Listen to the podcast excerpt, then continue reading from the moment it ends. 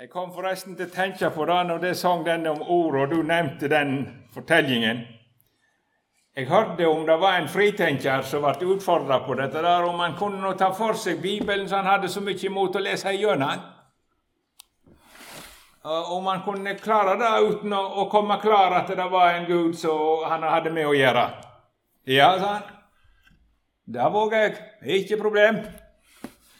Og sånn som historien jeg hørte lydde, så kom han så langt at han var kommet helt ut i 21. kapittel i åpenbaringen, og så sier han dette skal gå fint. Men så kom han i det 22. Da greide han ikke mer. Men da måtte han bøye seg for Gud. Det er kraft i ordet. Det må ikke vi glemme. Ja, vi leser kapittel 2 i Jesu navn i Første Mosebok. Så vart himmelen og jorda fullførte med hele sin hær. På den sjuende dagen fullførte Gud det verk han hadde gjort, og på den sjuende dagen hvilte han fra alt sitt verk som han hadde gjort.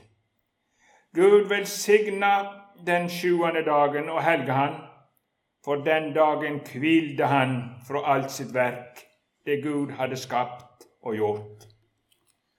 Dette er soga om himmelen og jorda da de var skapte. På den tid Gud Herren gjorde jorda og himmelen, fantes det ennå ikke busk på jorda og ingen planter ennå grodd fram. For Gud Herren hadde ikke latt det regne på jorda, og det fantes ikke et menneske til å dyrke marka.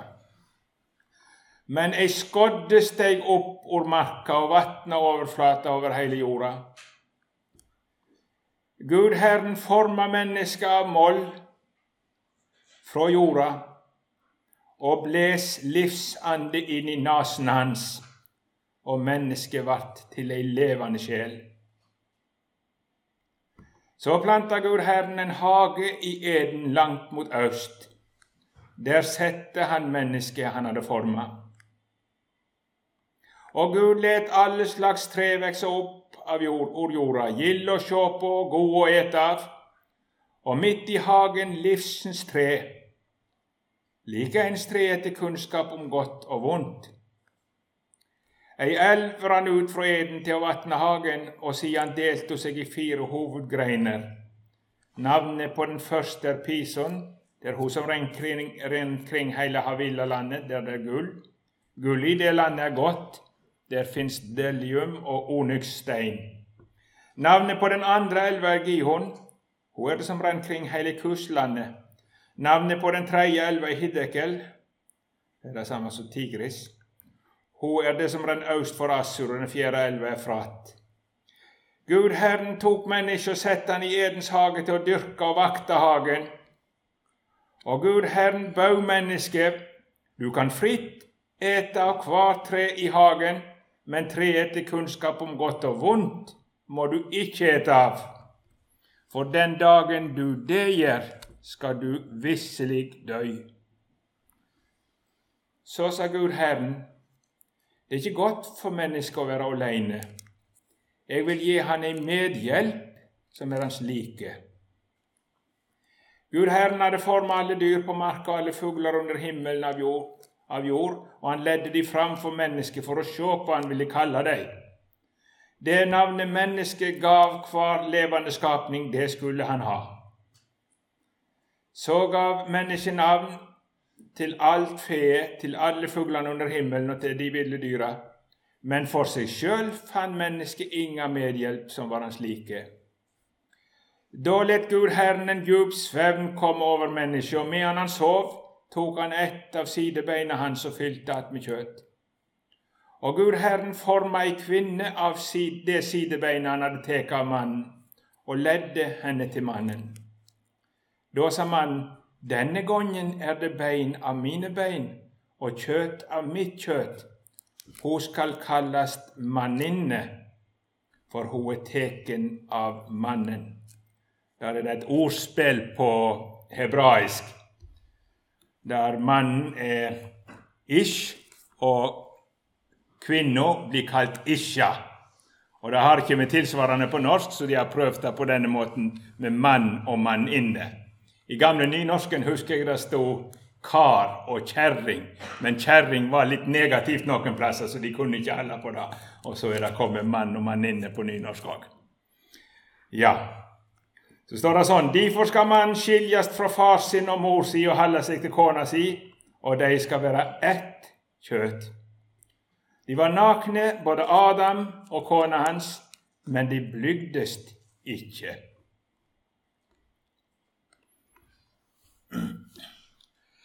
Jeg skal ikke gå inn i alle detaljene framgjennom. Hvis jeg skal prøve å nå det, så kan jeg ikke gjøre det. Men jeg skal prøve å peke på noen ting. Og Dette er jo et av de kapitlene som jeg tror det er veldig sjelden tatt fram på talerstolene. Det tror jeg ganske visst. Men dere har sikkert lest det og tenkt etter òg. Eh, nå blir det i mange sammenhenger sagt om at vi står overfor to skapelsesberetninger. Og det skal liksom være motsetninger.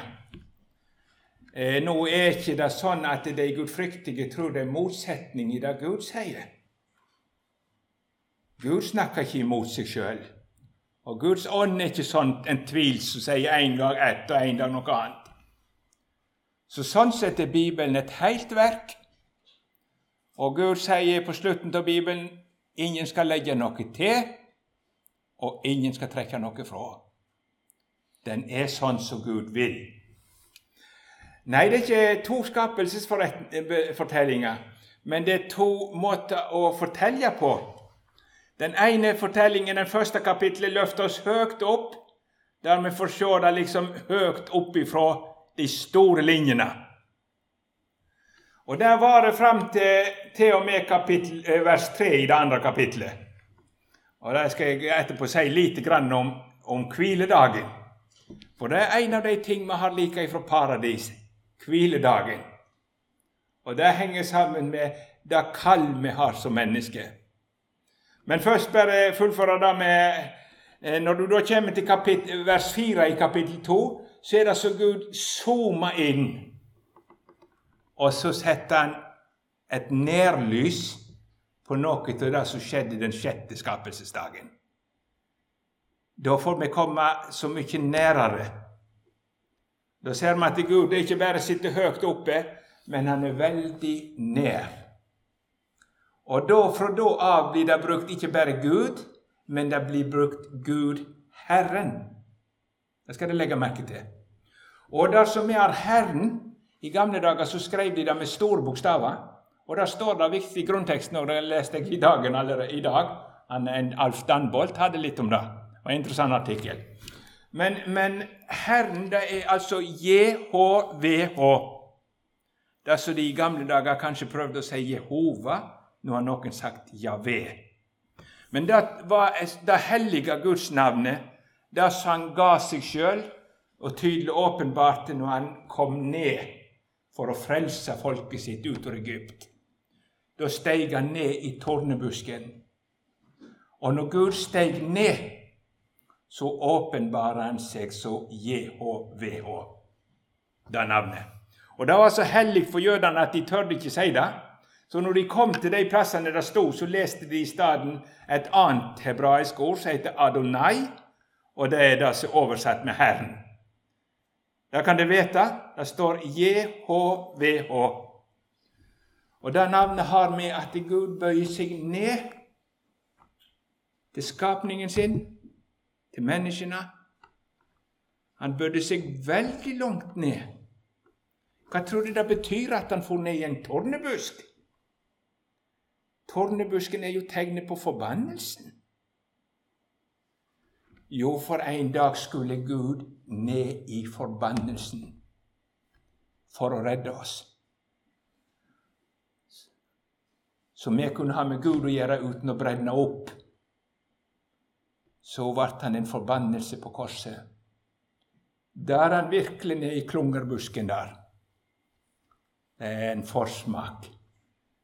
Herren bøyer seg ned for å frelse sin skapning.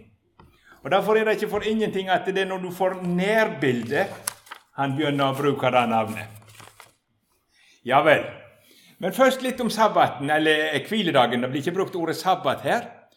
Når det gjelder sabbaten i Det gamle testamentet, så hører den i sin ytre ordning bare til jødene i den gamle pakt. Vi feirer ikke sabbat, for sabbaten er den siste dagen i veka. Men vi feirer søndagen, og det er den første dagen i veka. Og det gjør de kristne ifra Jesu oppstandelses av. Den nye begynnelsen når Jesus stod opp igjen, fra da av begynte de troende å samles. Første gangen når Jesus kom til dem, uka etter når Thomas var der, og Senere så har det vært samlingsdag nummer én for de troende over hele verden. Og Da har jeg lyst til å si da at eh, hviledagen i seg sjøl trenger alle mennesker. Men de ytre ordningene rundt den der var bundet til jødene for ei tid.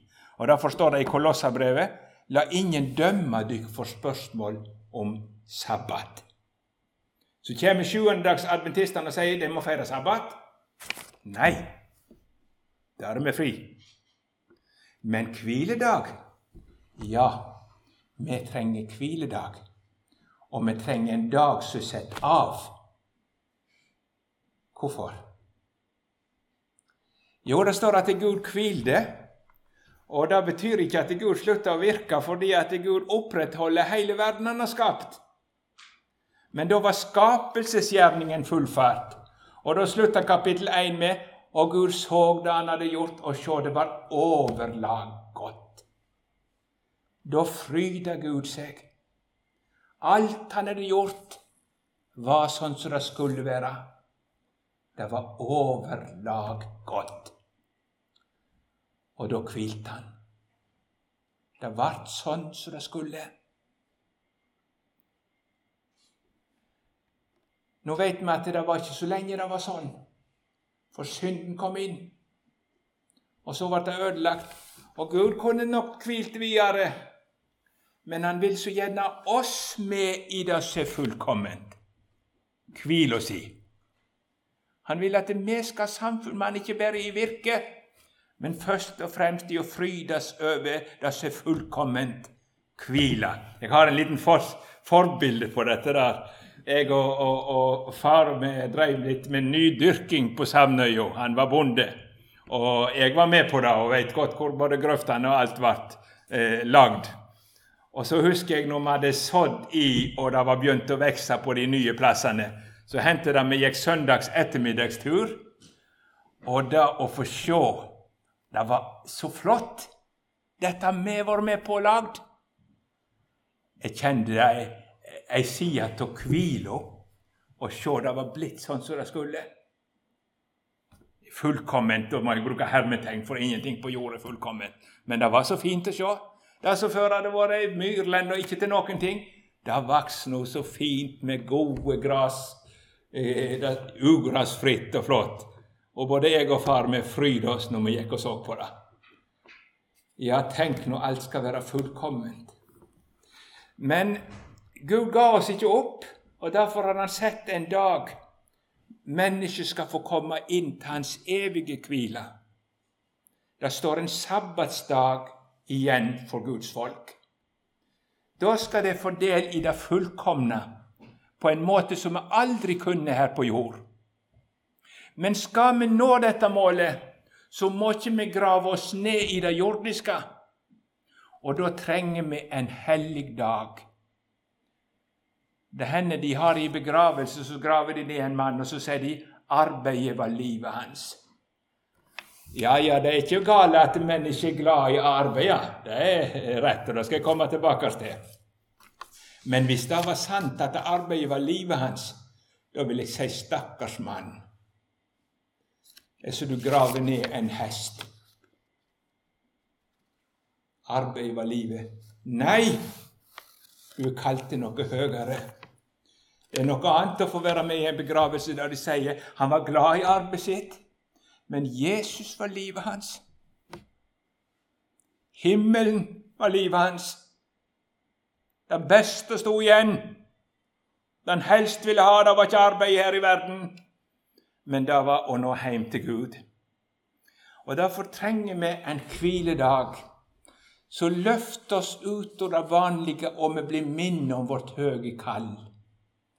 Vi er kalt først og fremst til å leve i samfunn med Gud, og vi er kalt til nå inn til Hans evige hvile.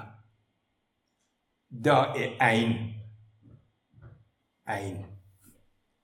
Og det skal vi få påminnelse hver eneste uke. Du skal gjøre arbeidet ditt, og du skal få lov å være med Gud i andre dager òg. Det er ikke noe med det. Alle dager skal være helligdager i den mening.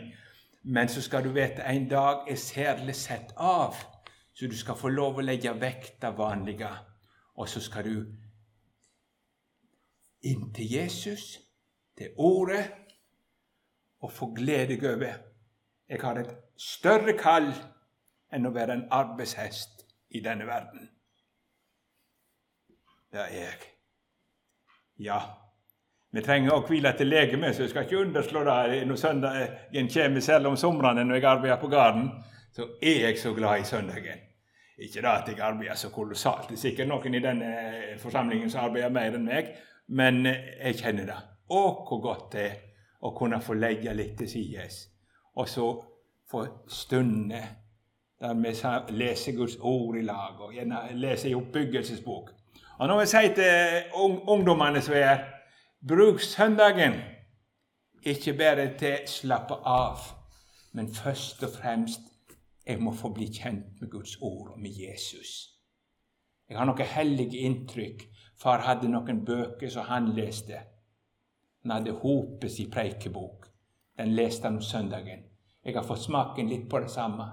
Det betyr så mye at du får tak i noe som kan hjelpe deg inn til Jesus, og så går du så rik ut at i uka. Du er ikke bare for å slappe av litt, men du har fått hvilt deg i lag med Jesus. Kom med meg og hvil deg litt. Og så kan vi samles. Og har alle anledning, og søndag er den beste dagen. kan vi få samles i møteveka òg, så det er fint. Ja, ja, jeg må ikke bruke mer tid på det, men uh, evighetsdagen vår må ikke vi glemme den. Vi er kalt til noe høyt, til samfunn med Gud og til Hans evige rike. Jeg skal hjem. Og da skal vi vite hva det vil si å hvile i fullkommen mening. Da skal slitet være slutt. Ja vel. Så får vi se at Gud eh, Jeg vet ikke hvordan det var med dette, der, men, det ser ikke ut som det hadde regna, og så vatna Gud jorda. Da håper jeg bare og kan ikke si noe, ikke si noe om disse elvene heller. Antagelig så har det første paradiset vært i området rundt Det kaspiske havet eller en plass der. Det klarer ikke jeg heller å gjøre rede for, for det har jo blitt forandra etter syndefloden, så det er umulig å finne igjen. Og veien inn til Eden ble stengt av Gud. Det vet vi. Så den veien kan ikke noen finne. Skal en komme til Guds paradis nå, så er veien gjennom Jesus. Det er sikkert. Ja, men så står det om når Gud eh, planter en hage, og så skaper han Adam. Og I, i første kapittel så hørte vi at han skapte Adam og Eva i sitt bilde. Og Han velsigna de og sa, 'Vær fruktbare og vær mange', det er én. Og så det skal rå over jorda og legge henne under dere. Så da får de oppdrag. Men her ser vi når vi skal se på nærbildet, så skjedde det ikke sånn at Adam og Eva ble skapt akkurat samtidig, og så er det mer detaljert. Og det vil Gud si oss noe gjennom. Det kan du være sikker på. Først, eh, Når han har skapt Adam, så ser vi at det først lager han til jord. Adam det betyr jordmannen. Adam er jord, og Adam det er ordet for menneske, men det betyr altså at det er nært slektskap med jord. Så det minner oss om at vi i virkeligheten er støv i oss sjøl. Mennesket er støv. Og når døden kommer inn, så skal vi bli til støv igjen.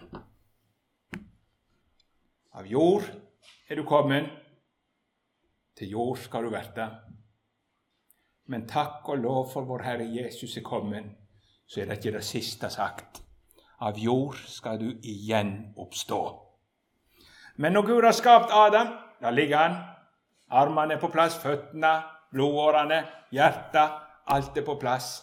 Men han ligger der. Han har ikke liv. Og så står det at Gud Herren blåste livets ånd inn i hans nese. Og så ble han ei levende sjel. Eh, det er noe som er fra Gud. Livet. Da blåste Gud sjøl inn i menneskenes nese. Og så blir han en levende sjel. Så minner oss både om det låge av jord Gud blåste livets ånd, og så ble mennesket ei levende sjel. Ja. Så er Adam skapt, og da tar Gud han og setter han i virksomhet. Han skal dyrke, vokte og verne hagen. Det er det konkrete. Eh, han skal rå over Mennesket er kalt til å være Guds viseregent, er det sagt. Vi skal være i, i Guds stad og styre i skaperverket. Legge skaperverket under oss, men legg merke til uttrykket her vakta og verna. Vakta og verna. Og dette er oppdraget som Gud ikke har tatt tilbake. Det er vårt kall som menneske å dyrke jorda. Det er litt godt for meg å si det første mennesket var sett til å være bonde. Ja da.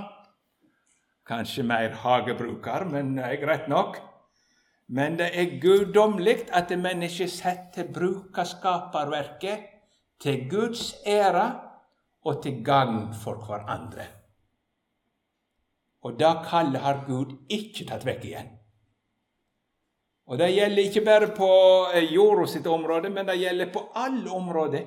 Tenk hva Gud har lagt til rette for. Jeg kom til å tenke på noe på musikken, f.eks. Det er Gud som har gjort sånn at det går an å lage musikk.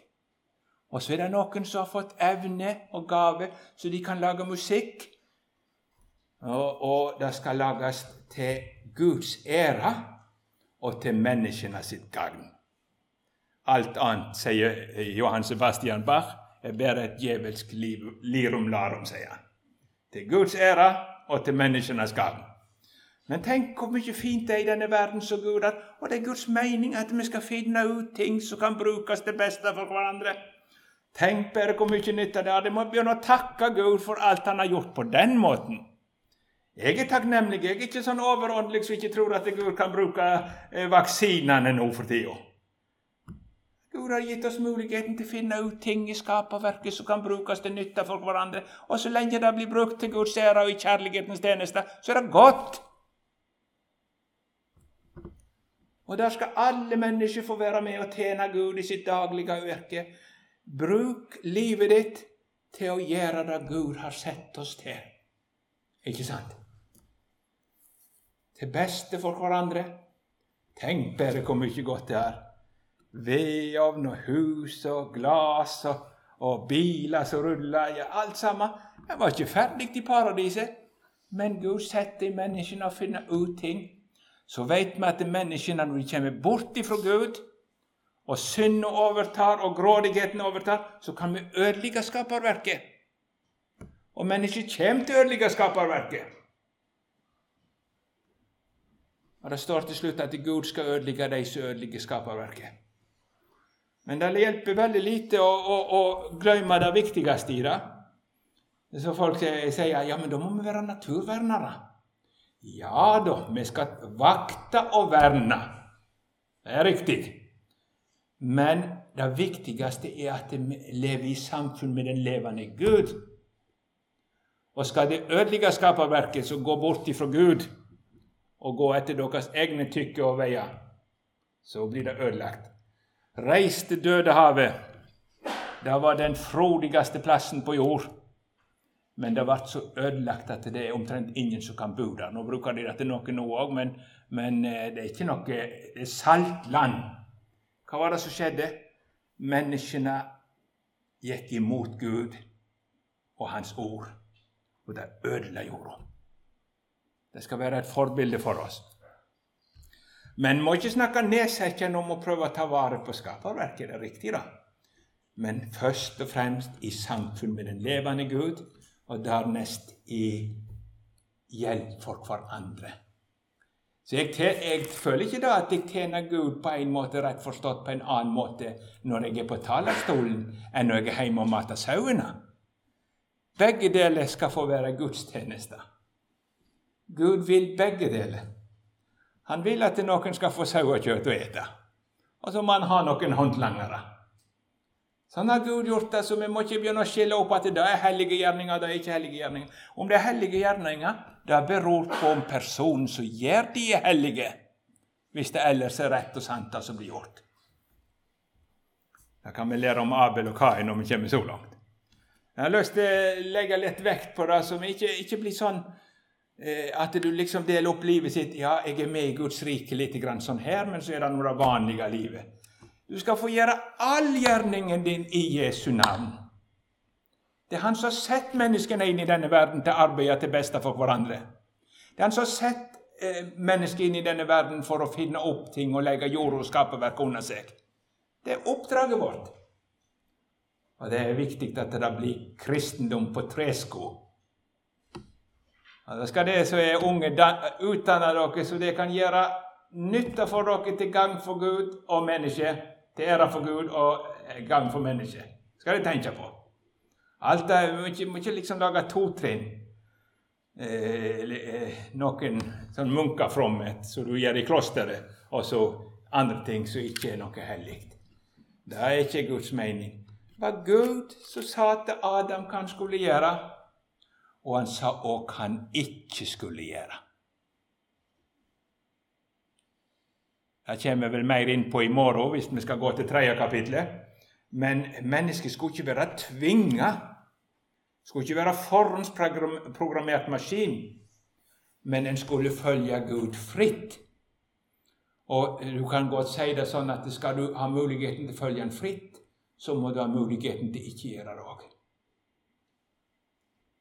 Ellers er du forhåndsprogrammert.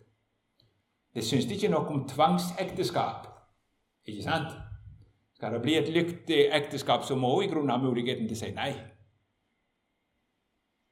Men så er det så godt nå å si ja likevel. Ikke sant? Jeg vet det, karer. Ja, ja. Ja, hvor langt er vi kommet? Det var eh, eh, prøven. Eh, den skal ikke gå mer inn på nå, men Adam får oppdraget, og han får Guds ord. Det skal du gjøre. Det skal du ikke gjøre. Og det gjør han før Eva er skapt. Det kommer jeg litt tilbake til. Det neste er at Adam skal erkjenne Han begynner på arbeidet sitt og gir navn til dyra. Det er på hebraisk å beskrive dem, og vi har litt av det ennå. Jeg tenkte på iallfall nashorn. Her hører det at det er horn på nesen. Ikke sant? Det er naturlig. Brølapa. Hvorfor heter hun det? Jo, for hun brøler så høyt at du kan høre henne fire kilometer. Ikke sant? Så det navnet beskriver, og det er på hebraisk når de setter navn på en ting, så beskriver de det. Så det er en del av det å gjøre seg kjent med skaperverket og legge det under seg. Adam skulle sette navn. Og gjennom det så er han kjenner det er veldig mye Gud har skapt, men det er ingen jeg kan ha samfunn med.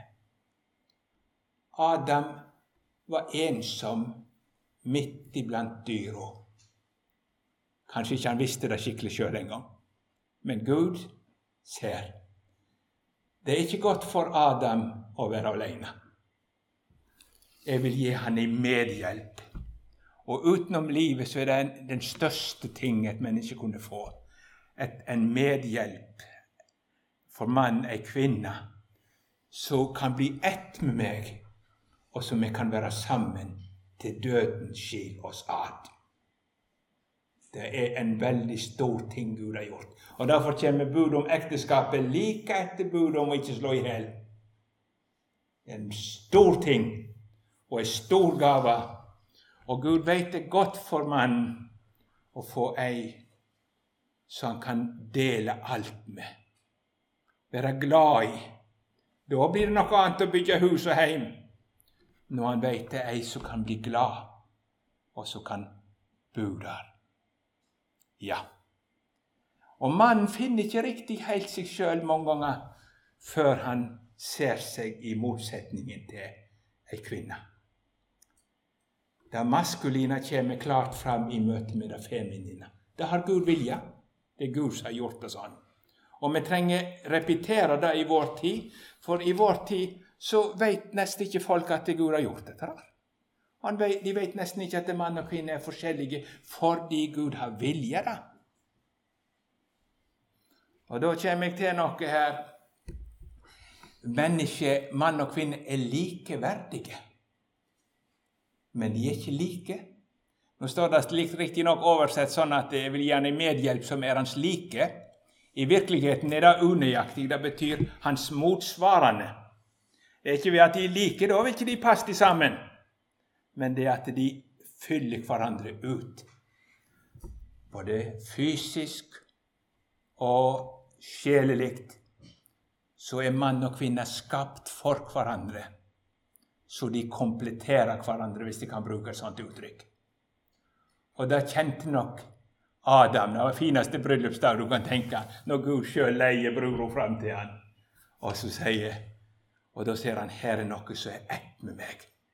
Og var tatt ut av hans side. Jeg vet ikke om det var for at en alltid skulle liksom vite at vi hører så sammen. Men iallfall så var det på den måten Gud gjorde det. Det er veldig fint. Da blir Adam fullstendig. Nå må jeg si det, siden jeg sa det i går òg, at eh, Pga. fallet så er mye blitt forstyrra. Sånn som det var når Gud så på skaperverket og sa det var såre godt, sånn er det ikke nå. Pga. synda, mennesket gjorde opprør mot Gud, så det kommet forbannelse innover alt. Så denne jorda er forbanna. Og Derfor er det lidelse og død og nød og fiendskap og vanskeligheter. Og Derfor er det ikke fullkomment, heller ikke ekteskapet. Men det er fortsatt Guds ordning fortsatt Guds ordning. Og mennesket skal forståes ut ifra ekteskapet, selv om en ikke alle får den lykke eller og bekymring å bli gift. Det er begge sidene. Ja, det er nyttig for troen, var det en som sa. For hvis du er alene, så kan du bare låse deg inne for deg sjøl når du er sur og i dårlig humør, og så er det ingen som merker noe av det. Men når du er gift, så må du stille i livet enten du vil eller ikke. Og da kommer det fram både ett og hit. Og da får du mye bruk for syndenes forlatelse. Ja, Det sier Bo Gjert sin plass, og det er noe sant i det. Ja vel. Det er ikke det. En trenger syndens forlatelse om er alene òg, men det skjønner kanskje hva en mener. Ja, så Derfor er det så viktig at vi holder ekteskapet høyt. Det er grunncella det Gud har gjort, og de to skal være ett kjøtt. Man skal skilje seg. Da skal det være en ny enhet og holde seg til kona si, og de to skal være ett kjøtt. Og det som Gud har sammenført, seg i Jesus, det skal menneskene ikke skille. Eh, når det er viktig å lese disse i starten, Når Jesus skal svare på spørsmål om ekteskapet, så får han forskjellige spørsmål fra Moseloven. Så sier han Sånn var det ikke fra begynnelsen. Han går alltid tilbake til begynnelsen. Det gjør apostelen Paulus når han snakker om disse ting. For der har vi Guds plan med oss mennesker. Sånn er det gjort. Og da og, eh, Det har biler alle sammen nå, og det har noe som heter instruksjonsbok. og Nå vet jeg ikke om det er så flinke til å lese den, men det er ikke så dumt, ser du, hvis du ikke har greie på bil og følger med hva som står i instruksjonsboka. For det er ikke godt for bilen hvis du begynner å ha spylevæske på oljetanken og eh, motorolja. Da er det ikke lenge før bilen kommer til å skape deg betydelige problem. For du skal følge det som står med rett olje, rett stoff, på rett plass. For de som har lagd den, har lagd det så fint og nøyaktig at du må følge oppskriften. Og det er nå tross alt bare en bil. Men hva tror du med menneskelivet? Når den fullkomne Gud skaper det, så går det aldri godt å prøve å finne ut en annen vei enn den han skapte. Aldri godt. Det er viktig. Så Derfor skal vi gå tilbake til disse kapitlene og la dem stå så. Sånn er instruksjonsboka. Sånn har Gud sagt det. Og sånn har Gud gjort det. Det er finjustert, ser du. Og nå har vi jo lært at eh, mann og eh, dame er like, og det drives veldig langt. Og likevel så skjer det av og til at det kommer noen bøker som ikke passer. Ikke så lenge siden så var det en bok som for en far så til Vesten, som heter 'Menn fra Kvinner Kvinner fra Venus og menn fra Mars'. Var ikke det da? Jeg har ikke lest henne, men jeg har hørt om henne. Og den slo inn som bestselger fordi der fant de noe. Mann og kvinne er gjort forskjellige. De er likeverdige, men forskjellige. Og det er stor variasjon med de enkelte damene og de enkelte mannene. De er ikke like. Men mann og kvinne er grunnleggende lagt forskjellig fordi Gud vil det sånn. Like verdifulle, og må aldri begynne å tvile på det. Ikke kjærere for Gud men mannen med kvinna.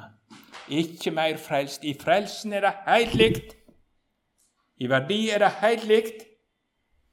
Men i funksjon og oppgave er det ikke helt likt. Der har Gud lagt en ordning. Og Det er neste jeg skal si litt om. da. Hvis jeg skal ha det summert opp, så har apostelen en eh, samleord for det i i 1. Eh, Korinterbrev 11, vers 3. Og der står det sånn Men jeg vil at det skal vite at Kristus er hovedet for hver mann, og mannen er hovedet for kvinna, men Gud er hovedet for Kristus. Her har du ei rekke, altså. Gud, Kristus, mannen, kvinna. Dette er ikke rangering i verdi, men det er ei myndighetsrekke som Gud har vilja. Og Derfor står det at det er kvinner i ekteskapet at de skal underordne seg, altså ordne seg inn under mannen sin. Hvorfor da? Fordi sånn har Gud gjort det. Det er designet, og Gud har en mening med det. Men mannen han står ikke fritt til å gjøre hva han vil.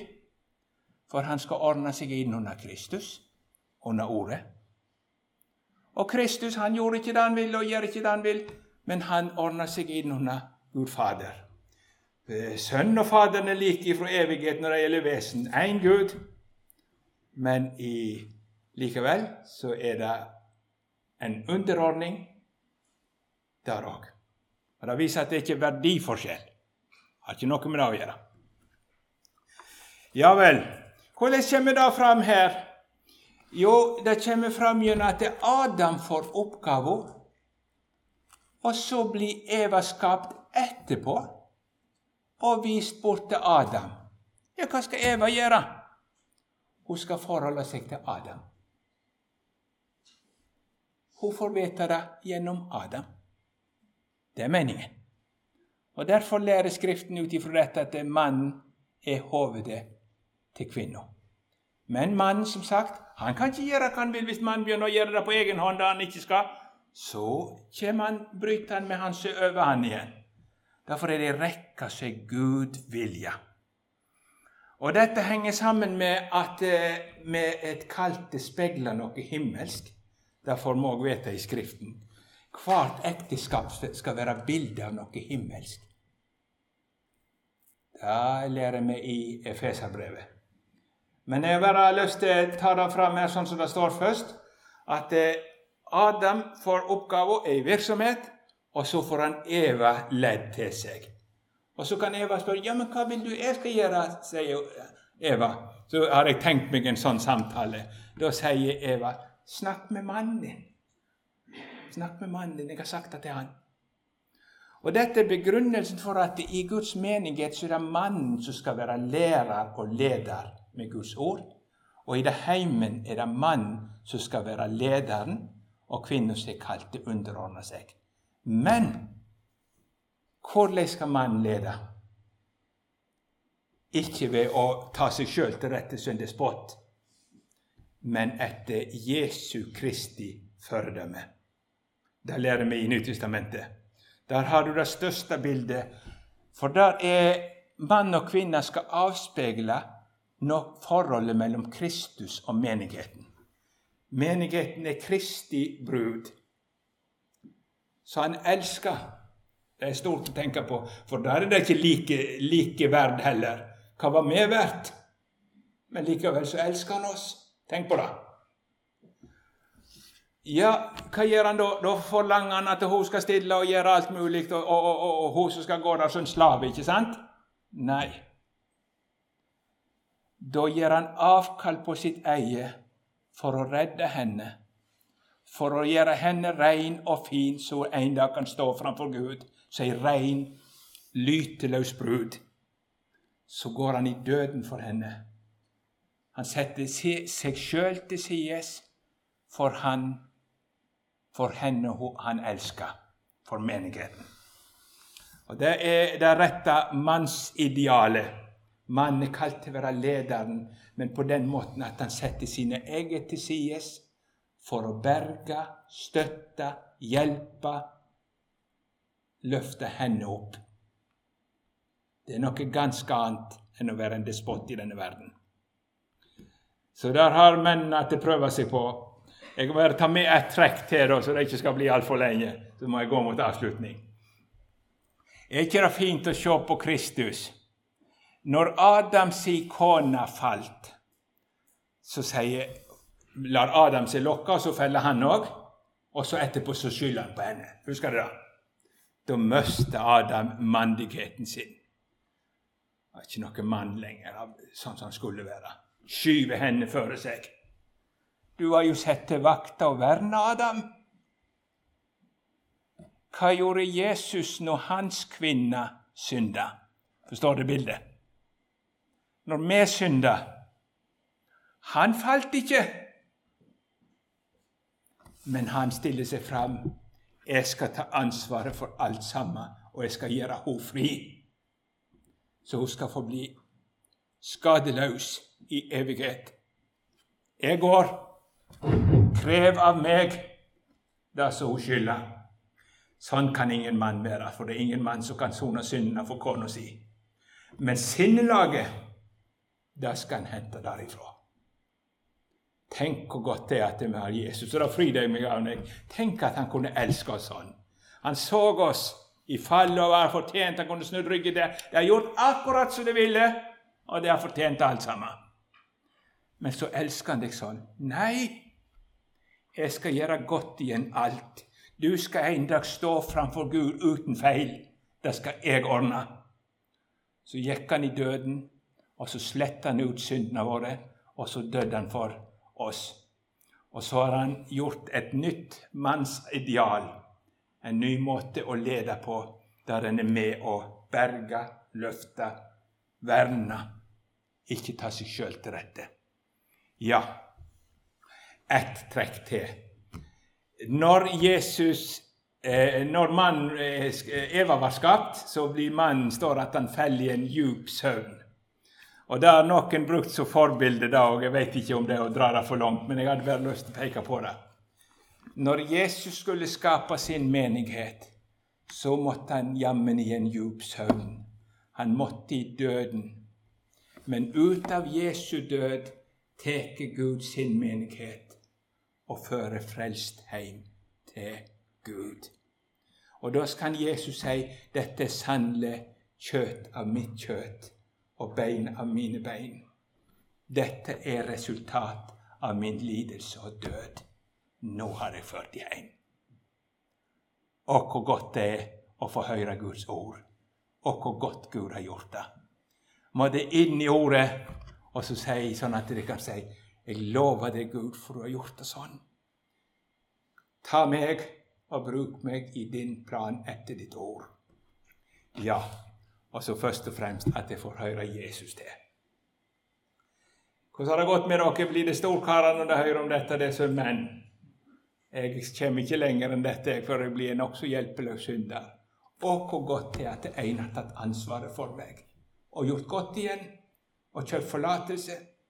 Og til deg som er kvinne sammenleis. Det er en som er den rette Herre for oss begge og er gått i døden for oss. La nå ekteskapet deres være et vitnesbyrd og et forbilde for Hans store kjærlighet. Kjære Herre Jesus, vi takker deg for vi forsamles om ditt ord. Helg oss i sannheten. Ditt ord er sannhet. Amen.